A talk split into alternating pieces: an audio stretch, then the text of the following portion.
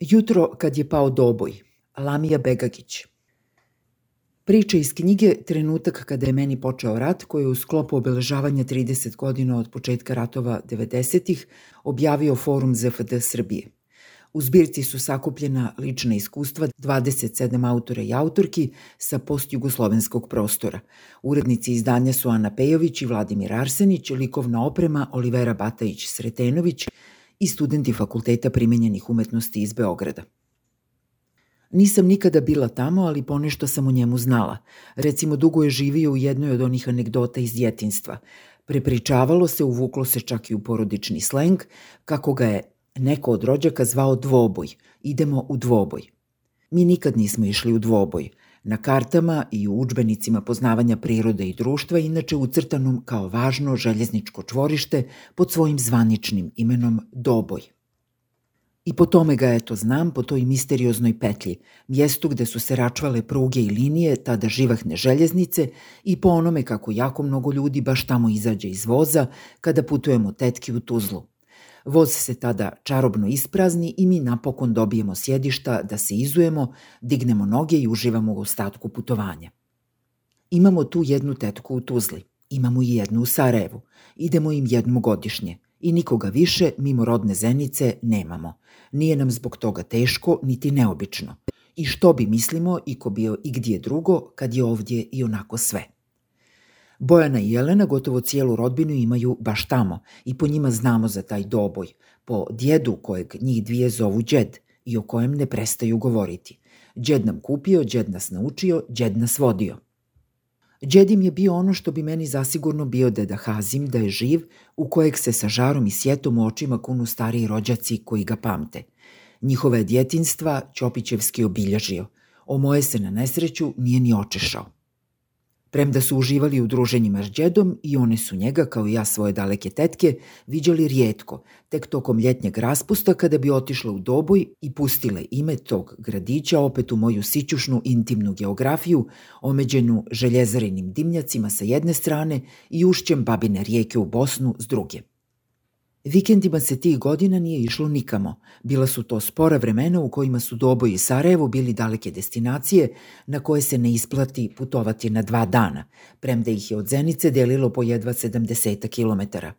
Naši su vikendi bili beskrajna sloboda, dokolica oslobođenja pritiska planiranja.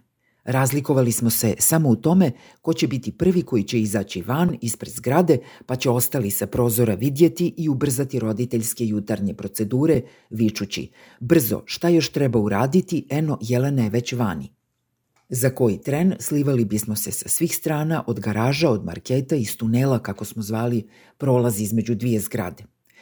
Tek tokom tog dugog ljetnjeg raspusta, kada bi njih dvije odlazile džedu u doboj, trebalo bi nam nekoliko dana da se priviknemo, ali bismo ubrzo potom nastavili živjeti svoje spore ljetnje živote. Kad bi prošlo, a uvijek je prolazilo prebrzo, one bi se vratile sa pričama o novim vještinama koje im je džed otkrio, a mi smo se opet privikavali da su sad opet tu i da trebaju biti dio nas, premda su propustile i bunkere na garažama i popravljanje bicikala i mahalski turnir u stonom tenisu. I kako to preokretima i doliči, i ovaj u ovoj lijenoj i sporoj priči dolazi kad mu se najmanje nadamo, u neko obeharelo proljeće u rano jutro. Među roditeljima se danima već dešava nešto, čiste se podrumi, dežura se ispred zgrade, moje tata kad god sa Aidinim, kad god sa Bojaninim i Jeleninim tatom, povremeno se upita kako je familija u drugim dijelovima zemlje gdje je teže, ali uglavnom se karta, igra remija i pije kafa iz termoske. Oblačim se za polje, brine me hoće li mi biti hladno sada, vruće posle, a sve mi je nekako okraćalo i tjesno na meni. U pozadini dok pretresa mormar ne svira muzika, već vječito neveliki prostor dnevnog boravka ispunjava glas zabrinutih radijskih reportera. Tog jutra prekidaju redovne vijesti onim vanrednim, da je pao doboj.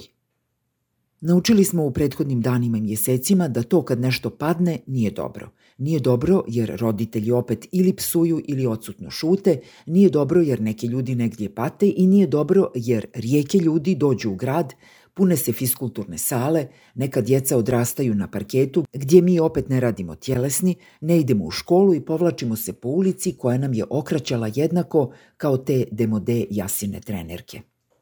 Premladi smo da znamo koliko smo u tim trenucima sebični i neempatični, ali nedostaje nam naš tjelesni u sali i naša svakodnevna škola, da joj damo priliku da nam dosadi, da je mrzimo i kunemo, a ne da je ovako potpuno neprirodno svaki čas poželimo i prihvatamo ubrzo svu tu bezdomnu djecu, znamo da ne može biti nikako dobro kada ti škola postane dom, pa nas onda i oni izdaju i odlaze dalje, jer čini nam se tada ipak ima dalje odavde i ipak ima onih koji bi išli drugdje negdje i koji ovdje ne da nemaju sve, kako smo do juče mislili, već više nigdje nemaju ama baš ništa. Naučili smo dosad da kad nešto padne, to znači još jedan mali kraj – ali dotad, do tog proljetnog jutra u kojem biram trenerku, padali su neznani bezimeni gradovi, a sada je evo pao doboj. Nikada nisam bila u njemu, ali osjetala sam da je moji od ostalih. Pao je doboj, mada u doboju nemam nikog svog. Taj trenutak nekog kojeg sam pomislila da ipak neće sve biti u redu, samo da smo na okupu. Na jednom nisam gladna i nije više važno u kojoj ću majici vani, zadihano trčim do petog i lupam im na vrata. Otvara Jelena, pospana, gleda me blijedo. Jel dobro? Ko? Džed, pao doboj. Ne sećam se njenih reči, ali se sećam kako me je smirila pogledom i lakoćom kojim je izgovorila nešto poput ma dobro, dobro su svi. Dobro je bio džed. Dobro su, govorili su bili i Damir, Adnan i Alma kad su s početka ljeta došli u Zenicu iz Doboja, koliko možeš biti kada život strpaš u torbu za treninge i kreneš u nepoznato. Tata ka tešnju, mama sa troje djece ka Zenici. Neće dugo, rekli su, a mi smo već naučili ne vjerovati im, ali im ne otkriti koliko već znamo ono što oni još ne. Hoće dugo, neki i zauvijek. Koje jutro potom bio je čudan mir, a onda smo opet počeli izlaziti. Novo ljeto, nove biciklopopravljaonice u napuštenim garažama, turniri na nekorištenom rukometnom stadionu i potajna Damirova i Jelenina zabavljanja da niko ne zna, da ih niko skrivene na tribinama stadiona ne vidi. Nisam u godinama potom nikad pisala o njima i tim njihovim razmjenama stripova i možda ko zna po koje rečenice o doboju. Odlučila sam zadržati ih oboje tamo gde su nama ostali, premda su oboje zauvijek otišli. Jelena sa sestrom Bojanom i roditeljima već koncem tog ljeta prvo u Doboj da bi putešestvije završili negdje u Srbiji. Damir Adnan i Alma po okončanju rata nazad u rodni Doboj pa iz početka. Jesen koja je dolazila ni ushit povratka u klupe nije mogao spasiti. Do kraja se nije znalo hoće li škole biti, pa je od svega ostao samo okus tog kasnog ljeta u kojem jednog jutra nestaje pola drugarice i drugara iz zgrade, a vrata njihovih stanova tek koji sat poslije budu izlepljena natpisima poput zauzeto RVI. Sve što je došlo nakon te jeseni, sve što je palo, sve što se oslobodilo, podnosili smo stoičkije, nezainteresovanije, misleći valjda kako smo sad veliki i kako je to hrabrost ili mudrost.